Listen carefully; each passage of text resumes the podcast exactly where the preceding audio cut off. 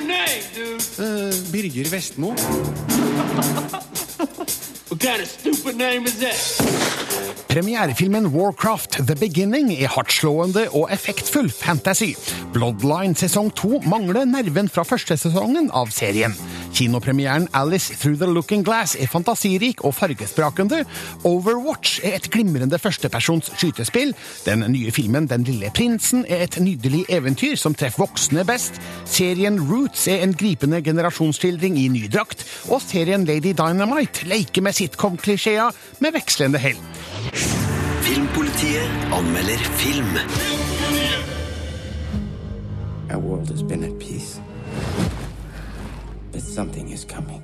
Jeg har aldri spilt Blizzard Entertainments suksessrike Warcraft-spill. Mine eneste forventninger til filmen Warcraft The Beginning var knytta til at den er skrevet og regissert av Duncan Jones, kjent for Moon og Source Code. Det viser seg at han har laga en morsom fantasifilm som underholder effektivt. Den inneholder riktignok elementer som er rent sludder, inkludert stiv dialog, men historiefortellinga er ganske rik, med klart definerte rollefigurer med åpenbare funksjoner. Warcraft The Beginning har tøffe og kaotiske krigsscener, alt pakka inn i en miks av ypperlig CGI-animasjon og virkelige figurer og omgivelser. Subtil filmkunst er det ikke, men Warcraft The Beginning kunne aldri være annet enn en hardtslående og effektfull fantasifilm. Our world is dying. There is nothing to go back to. Warcraft-universet rommer både mennesker og orker, noen med magiske krefter. Denne filmen går tilbake til starten og forteller hvordan orkene invaderer rike Azeroth gjennom en portal under ledelse av den onde Guldan, spilt av Daniel Wu. Kong Lane, spilt av Dominic Cooper, og krigeren Anduin, spilt av Travis Fimmel, leder an i kampen mot de invaderende orkene og tilkaller vokteren Mediv, spilt av Ben Foster, for magisk hjelp. Samtidig begynner orken Durotan, spilt av Toby Kebbell, å vurdere et opprør mot Guldans lederstil. Why are you here? To save our people. Filmen introduserer oss for begge leirene i starten, og gjør en god jobb med å plassere de ulike figurene før det braker løs. Ikke alle figurene er like interessante. Dominic Coopers kongeskikkelse blir for glatt og intetsigende. Travis Fimmel lykkes langt bedre som den heltemodige Anduin, med sine uttrykksfulle øyne som sitt fremste våpen. Ben Foster er òg som vanlig en skuespiller man kan stole på. Han gjør Mediv til en over middels interessant figur, en plaga sjel som kjemper mot truende krefter. Whatever you plan to do, do it now!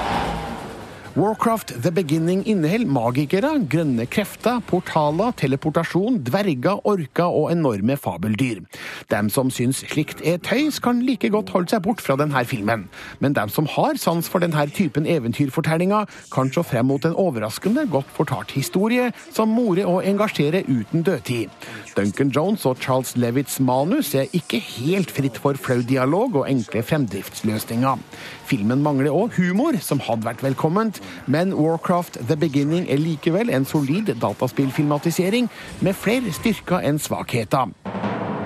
Terningkast fire Filmpolitiet på P3. En av fjorårets gledelige overraskelser på Netflix var familiesagaen Bloodline, som kombinerte en tilsynelatende idyllisk Florida-familie med mørke hemmeligheter og en tragisk hendelse. I dag er Rayburn-familien tilbake på skjermen i sesong to.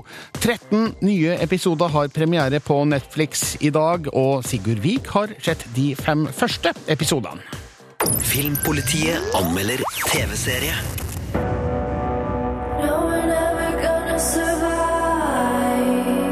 You afraid of me? Danny was a father? Who knows what else is out there? Bloodline var et av fjorårets høydepunkt blant dramakrimseriene for meg. Et veldig godt sammenskrudd rollegalleri og en seig og intens fortellerstil gjorde at nøstinga i Rayburn-familiens hemmeligheter ble en kvalitetsserie. Jeg var likevel ikke en som skreik etter mer da sesong én var ferdig.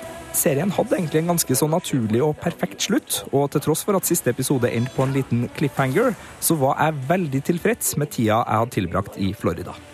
Det er fremdeles mye å glede seg over når serien nå fortsetter på familiesagaen.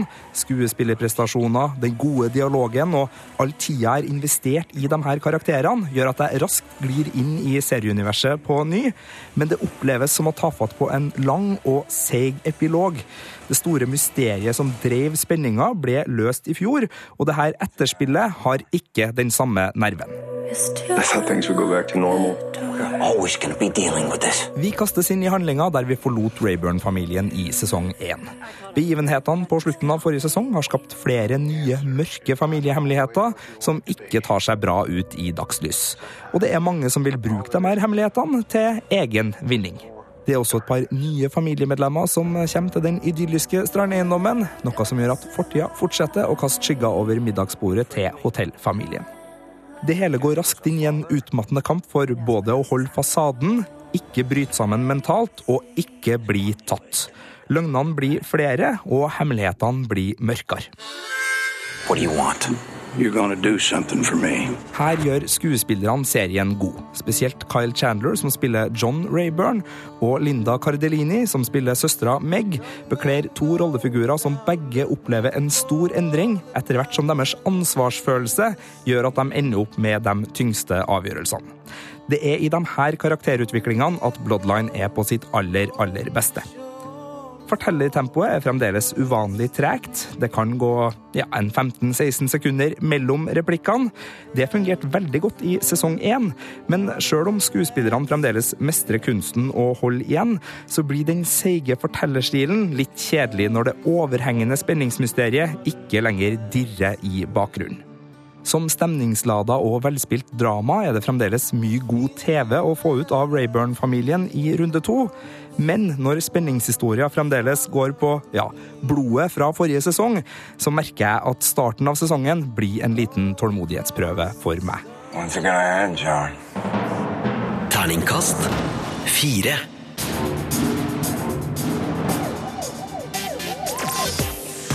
Bloodline sesong to har premiere på Netflix i dag. Du hørte Sigurds anmeldelse i sted. Og et av de nye ansiktene vi blir kjent med i denne runden, er Evangeline, spilt av Andrea Riceborough, kjent fra filmer som Oblivion og Birdman. Evangeline er en figur som det er litt vanskelig å bli klok på i starten av sesongen. Og da London-korrespondent Espen Aas møtte Andrea Riceborough i London, kunne hun avsløre at eh, rollefiguren egentlig er ganske så vill.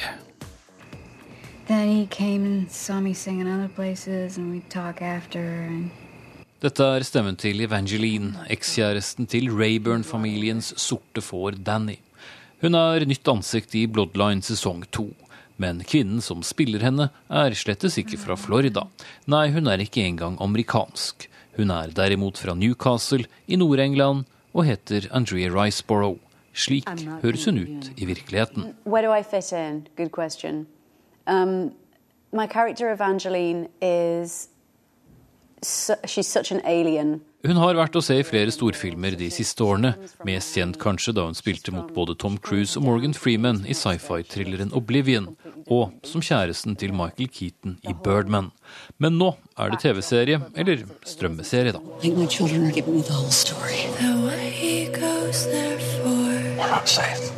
Og det er altså som den noe mystiske Evangeline, alenemoren som plutselig dukker opp i den dysfunksjonelle Rayburn-familien, fra det store intet, men med historier å fortelle. I'm the mother of your grandchild.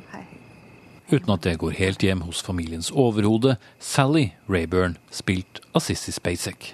I'm not gonna to give you any money, Eve. Rollefiguren fikk Andrea Riceborough langt på vei være med på å utvikle selv, og det var noe hun likte. So what they were, you know, how, they were thinking this character would sort of come in and create a storm of sorts. Men hvem er så denne rollefiguren, kvinnen som altså var kjæreste med denne omflakkende Danny?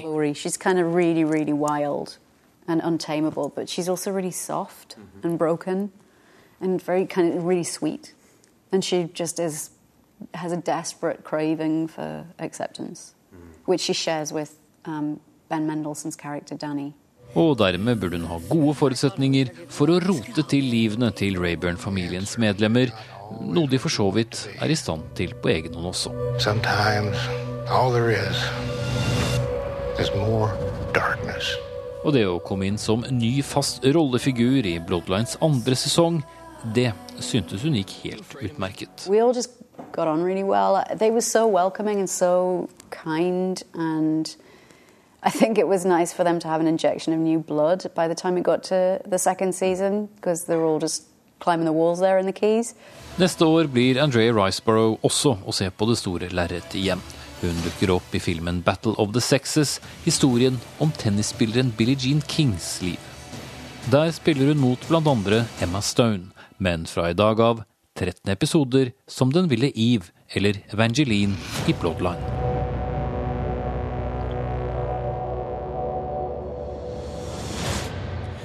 Det var Storbritannia-korrespondent Espen Aas som hadde møtt Bloodline-skuespiller Andrea Riceborough i London. Du kan se video av intervjuet og lese anmeldelsen av Bloodline sesong to på p3.no Filmpolitiet. Filmpolitiet anmelder film. You've been gone too long, Alice. There are matters which might benefit from your attention. Friends cannot be neglected. Alice Through The Looking Glass er oppfølgeren til Tim Burtons Alice in Wonderland, begge basert på Louis Carrolls klassiske eventyrbøker. Nå er det James Bobbin, kjent for The Ali G-show og The Muppet, som regisserer, og han gjør slett ingen dårlig jobb med å kanalisere Burtons visjon fra den første over til den andre. Historien er full av snodige figurer, actionfylte situasjoner og visuelle lekkerheter. Burtons film hadde kanskje noen mørkerstemninger som gjorde den mer interessant, men Bobbins andre film står seg overraskende godt, og er en fantasirik eventyrfilm som utviser solid fortellerglede. Please. The Hatter is in danger. Alice Kingsley, spilt av Mia Wasikowska, kommer tilbake til det absurde og merkelige eventyrland, der hun oppdager at hattemakeren Tarrant Hightop, spilt av Johnny Depp, har gått inn i en dyp depresjon. Ingen tror på teorien om at familien hans, som tilsynelatende ble drept av en drage, likevel er i live. For å hjelpe hattemakeren må Alice reise tilbake i tid for å redde familien. Men det blir ingen lett sak å stjele tidsreisefarkosten Kronosfæren fra tiden, spilt av Sasha Baron Cohen. Young lady, your time is up. This cannot be good. Jeg har ikke lest Louis Carrolls Alice-bøker, og kan derfor ikke kommentere hvordan filmen står seg til bøkene. Men som film er det her et fargesprakende eventyr med stor oppfinnsomhet i det visuelle uttrykket. Dataanimasjonen dominerer så sterkt at historien av og til står i fare for å havne i bakgrunnen. Tidsreiseplottet er heller ikke det mest originale eller meddrivende. Vi har sett denne typen historier mange ganger, men som visuell fantasi er Alice Through the Looking Glass et imponerende skue. Excitable, emotional, prone to fantasy. There's nothing wrong with me. Jeg likte ikke Mia Wasikowskas Alice så godt i den første filmen, der hun fremsto som en veik heltinne. Hun er heldigvis et hakk bedre i denne filmen. Johnny Depps hattemaker er gråere i oppfølgeren, som forklares av historien, men gjør figuren litt kjedeligere. Mer galskap hadde gjort susen for Depp, men heldigvis kan Helena Bonham Carter dyrke galskapen som Erasabeth. Sasha Baron Cohen spiller tiden på sitt sedvanlige vis med tulleaksent, med delvis hell. Det aller beste er kanskje å høre Alan Rickmans stemme igjen i hans siste filmrolle som sommerfuglen Absolem. Hello, Alice. Alice Through the Looking Glass har mye å by på for dem som elsker gode effekter på film. Den kunne vært fantastisk om historien og figurene var like gode. Regissør James Bobbin har prestert på et nivå som ligger rett under de beste eventyrfilmene, men det her er likevel verdt en anbefaling. Filmen har absolutt en verdi som fantasifull effektmakeri, der spesielt en spennende sekvens med en bokstavelig kamp mot tida er et høydepunkt. Now, tell me, when does Alice arrive?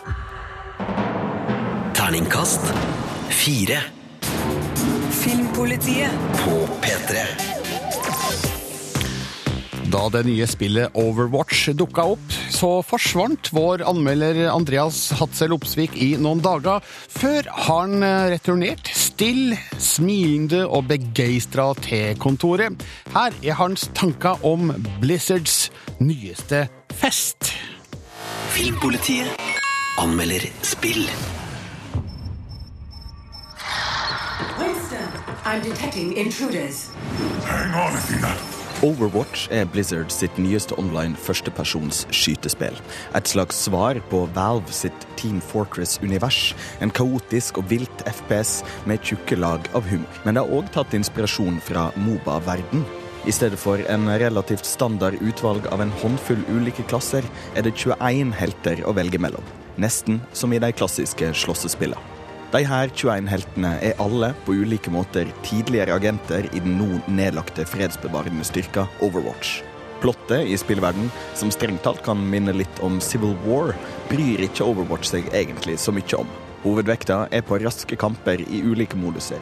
Seks mot seks spillere med mål om å utføre et enkelt oppdrag. Og det er kjempegøy. I led Overwatch for 20 years. Those were the good old days. They didn't last.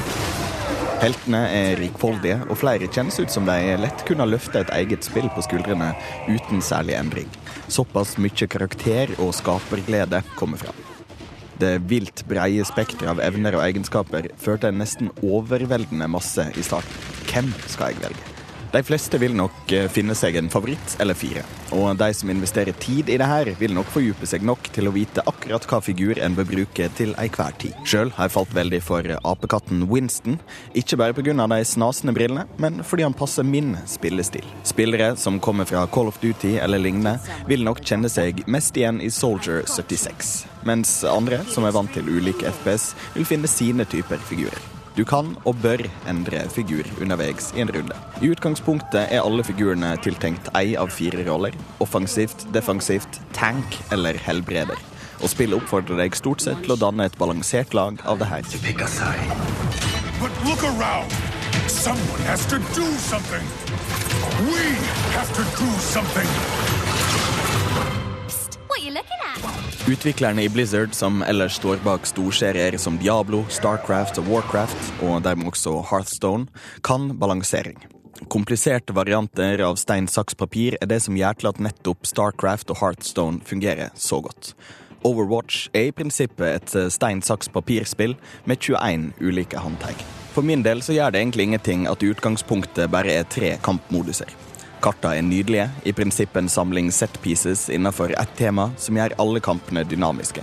Hovedsakelig basert på hva figurer som er med i kampen. Her er det lagt mye tanke i å gjøre alle banene morsomme for alle typer figurer.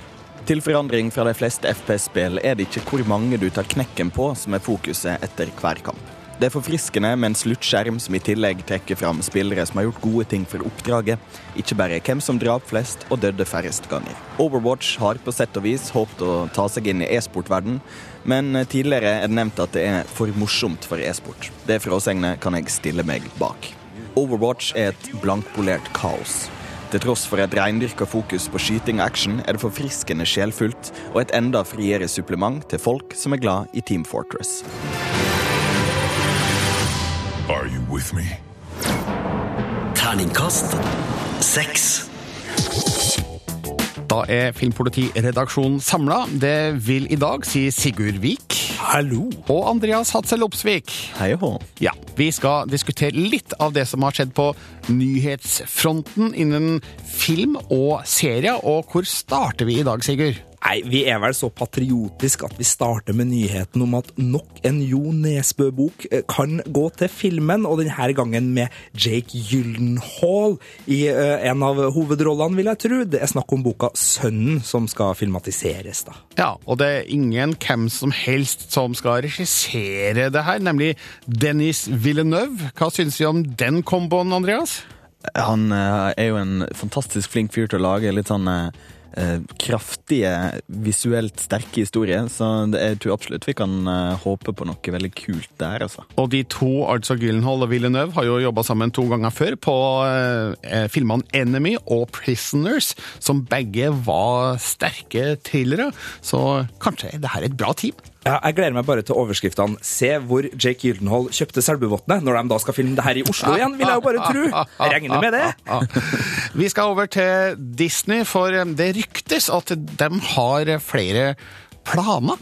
Ja, altså de har jo begynt å lage alle sine Disney-klassikere i vanlig spillefilmformat. Vi har fått Askepott, vi har fått uh, hva- Male er det den heter? Den her- Maleficent. Takk, eh, det var dårlig av meg. Men og så kommer jo uh, The Beauty and the Beast i mars neste år. Vi har jo sett traileren, den er nydelig. Uh, og så ryktes det nå at også Den lille havfruen skal få sin uh, spillefilm eh, snart da, av Disney. Jeg er jo veldig spent på den, for det er jo utfordringer med havfrua på film. Men eh, de klarte jo ikke i Pan, så vidt jeg husker, men eh, det kan jo hende at de får det til nå. Kan Sissel Kyrkjebø få en rolle der òg, tenker vi? Eller det blir for lenge siden?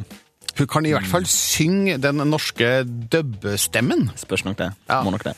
Så dette er et, på et veldig tidlig Det tidspunkt. er Deadline som melder det her på nettet om at de mener å vite at eh, det diskuteres av sjefer, men selvfølgelig stort nok til at det havner på nyhetsoversikta til de store filmavisene. Andreas og Sigurd er her fremdeles. Vi skal over på eh, TV-seriefronten, og eh, da skal vi først til Mirrors eh, Edge, Andreas. Det er jo nesten en spillnyhet. Eh, Det viser at um, Endemol Shine Studios, som interessant nok stort sett har laget sånn reality-TV som Big Brother og Masterchef, har nå kjøpt rettighetene til å lage eh, Electronic Arts-spillet Mirror's Edge til et TV-show. Og det, det er jo da um, svenskene i, eh, i Dice, eller tidligere Dice, eller hva det er nå kaller det, som eh, lager det spillet, som da handler om ei dame som løper på hustak for å komme seg unna korrupte politistyrker. Ja. Så det er jo absolutt eh, actionpotensial i det her, må jeg si. Selv om eh, det at nettopp er reality-TV-folk som har satt seg ned på å lage det, ikke nødvendigvis gjør meg kjempe, eh, kjempegodt håp, kanskje.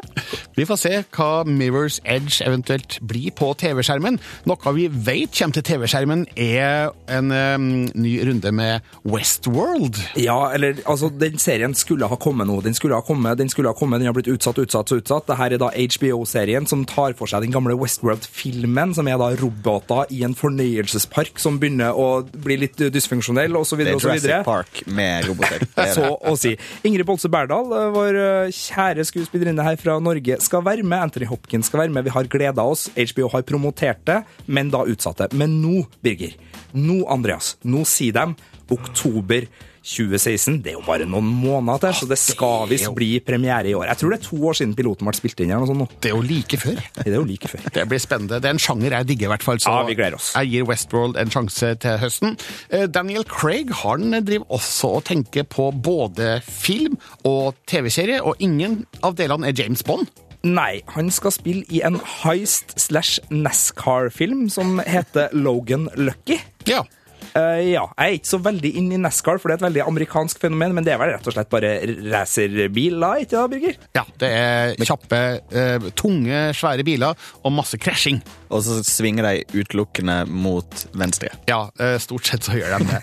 Eh, Han har også signa seg på en TV-serie som heter Purity, som Ja. skal gå over 20 episoder over to sesonger. Eh, Og da begynner vi å lure på Har han tenkt å bare forkaste James Bond? Hva tror du, Andreas?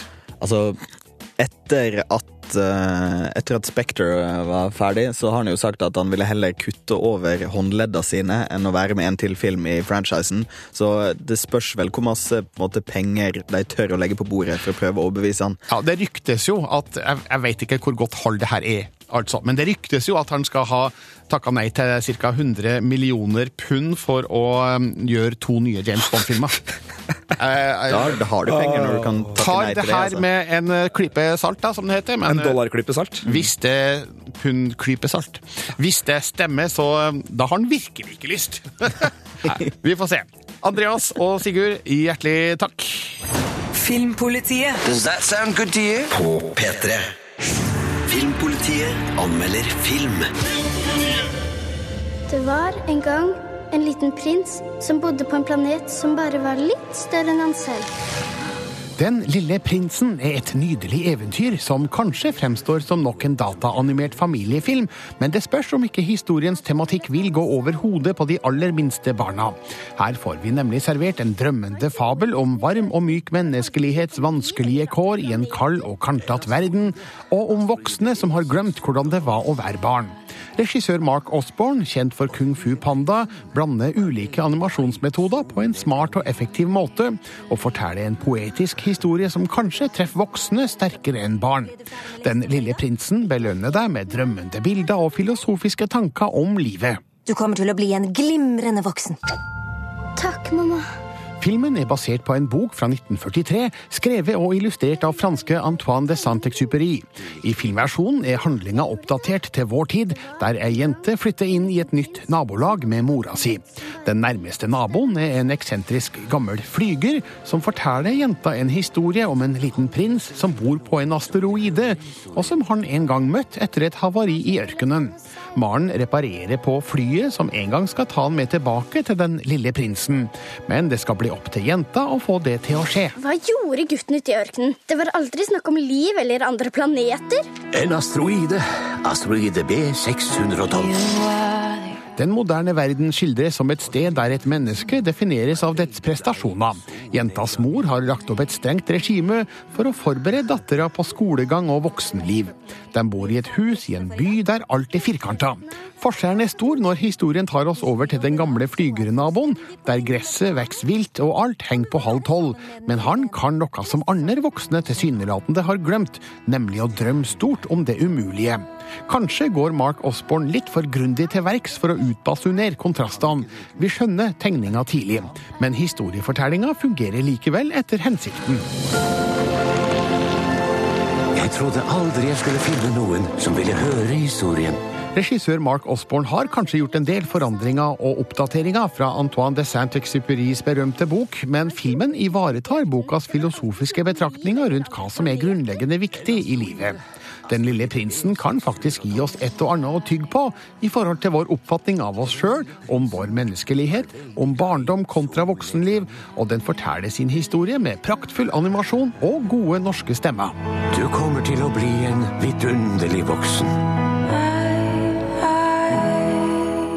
Terningkast fem. Filmpolitiet anmelder TV-serie. Historien om Kunta Kinte er en av de mest kjente slavehistoriene i USA. Historien ble fortalt i TV-serien Roots, eller Røtter, i 1977, ble vist i Norge i 1978. Serien vant ni Emmy-priser, ble sett av 130 millioner mennesker, og siste episoden er fremdeles den nest mest sjette seriefinalen i USA noensinne. Nå har den blitt laga på ny. Roots i 2016-utgave har premiere på HBO Nordic på tirsdag. Og la oss høre en liten smakebit. You must hear your name first. You are Kunta Kinte.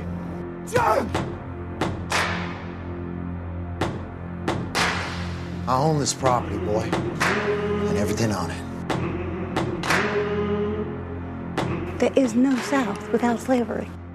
But God is my witness. I say you, even if he part you tomorrow, your love, it will never die.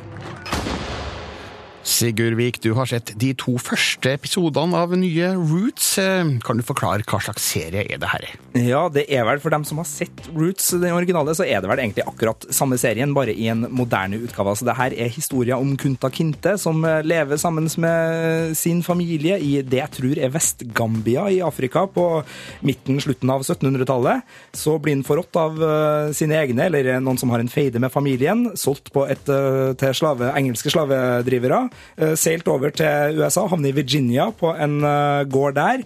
Og så følger vi han, og så følger vi det som skjer videre med hans familie. Og det er på en måte en generasjonsskildring da, som, eh, så vidt jeg forstår, for jeg har ikke sett alt, men går fram til, til i dag, eller til, til 70-tallets USA, da, da den ble fortalt sånn. Og man får liksom røttene tilbake. da, Hvor kommer egentlig de svarte i USA fra? Hvilke historier er det de har å fortelle? Og historien om Kunta Kinta har på en måte blitt den der ikoniske skildringa, og, og den historien man liksom tenker sånn Ja, så ille var det faktisk. Eh, Det er jo forholdsvis sjelden at en TV-serie spenner over et såpass eh, vidt tidsrom. Eh, Funker det?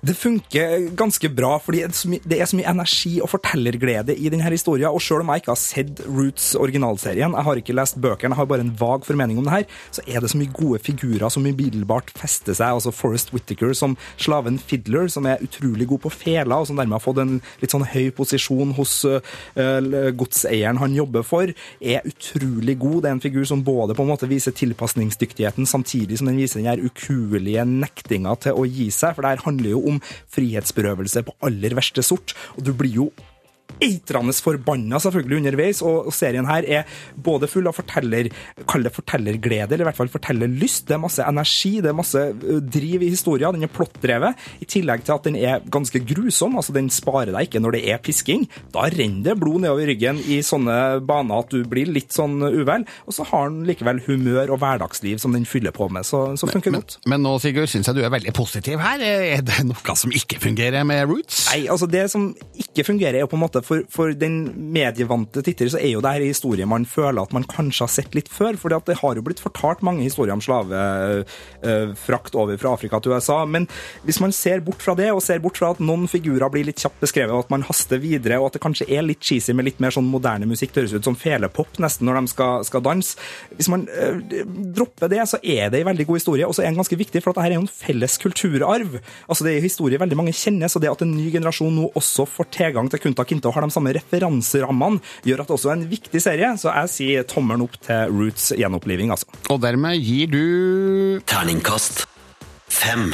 til Roots, som starter altså på HBO Nordic førstkommende tirsdag. Filmpolitiet anmelder TV-serie. Lady Dynamite er en ny komiserie på Netflix. Her er litt lyd fra den.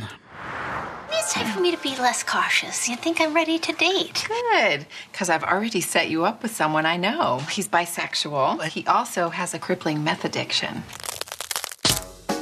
Maria, have you ever been diagnosed with any mental illness? You say diagnosis, I say diagesis. Ja, lyd fra Lady Dynamite fra Netflix, der alle episodene ligger ut nå. Andreas Hatzel Opsvik, utgangspunktet for Lady Dynamite virker ganske velkjent. Det er jo litt sånn eh, Hva skal en si, da? Allerede sånn 90-tallet, påfølgende Seinfeld, og tidligere enn det, for så vidt, så har det vært sånn bølge av komikere som lager sånn litt overdrevne versjoner av sitt eget liv. Og denne gangen så er det da Maria Bamford sin, eh, sin tur, og hun, har for så vidt en litt interessant historie. og En, en litt sånn undergrunnskomiker som, som hadde en ganske eh, spennende karriere, og så fikk hun rett og slett et mentalt sammenbrudd på scenen når hun holdt standup. Eh, og på en måte nå er hun på vei opp igjen, åpenbart. Eh, Men hun har da lagd en historie som, som tar utgangspunkt i hennes humor over ja, en må vel si en 10-15 år, og da også med det her mentale sammenbruddet som en del av det. I anmeldelsen eh, som ligger ute på P3N og Filmpolitiet, så sammenligner du Lady Dynamite med Arrested Development.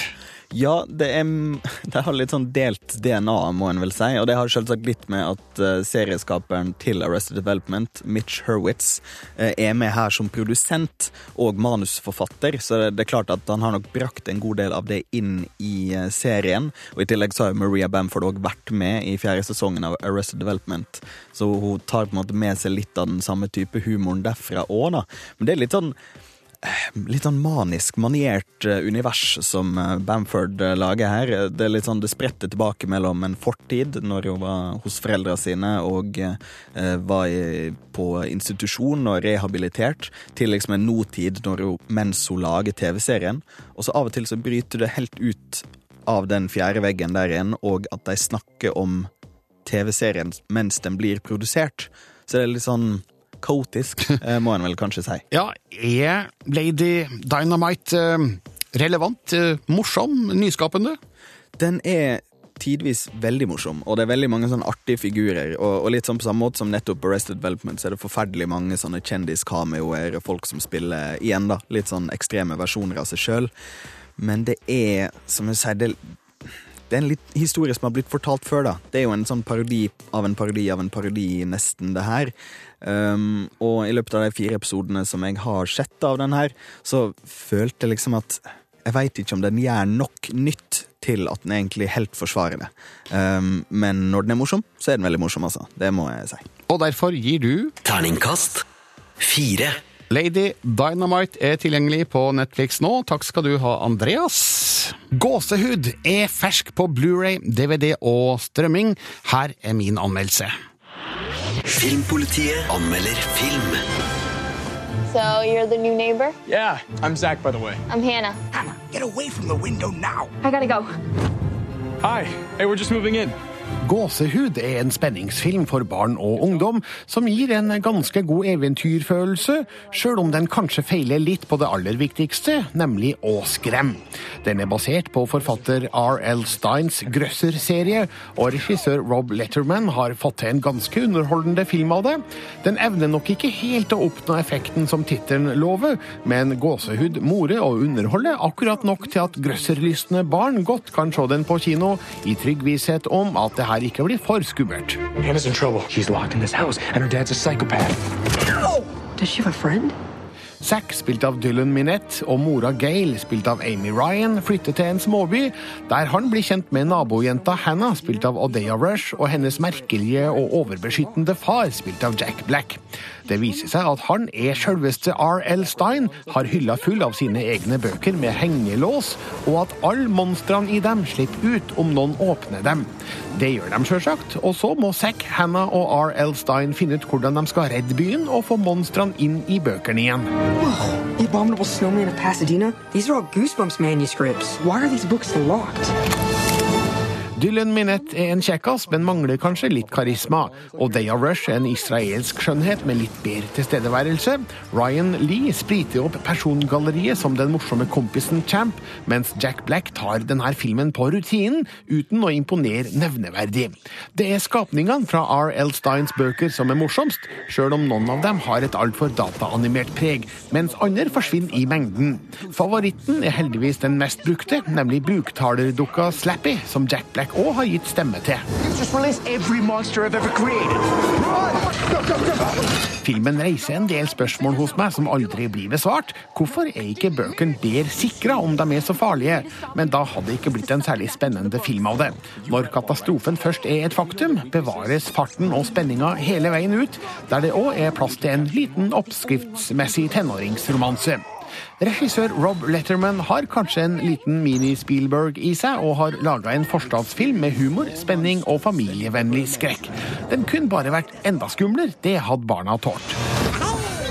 Gnomes? Maybe they're friendly. Not friendly. Definitely not friendly. Terningkast fire.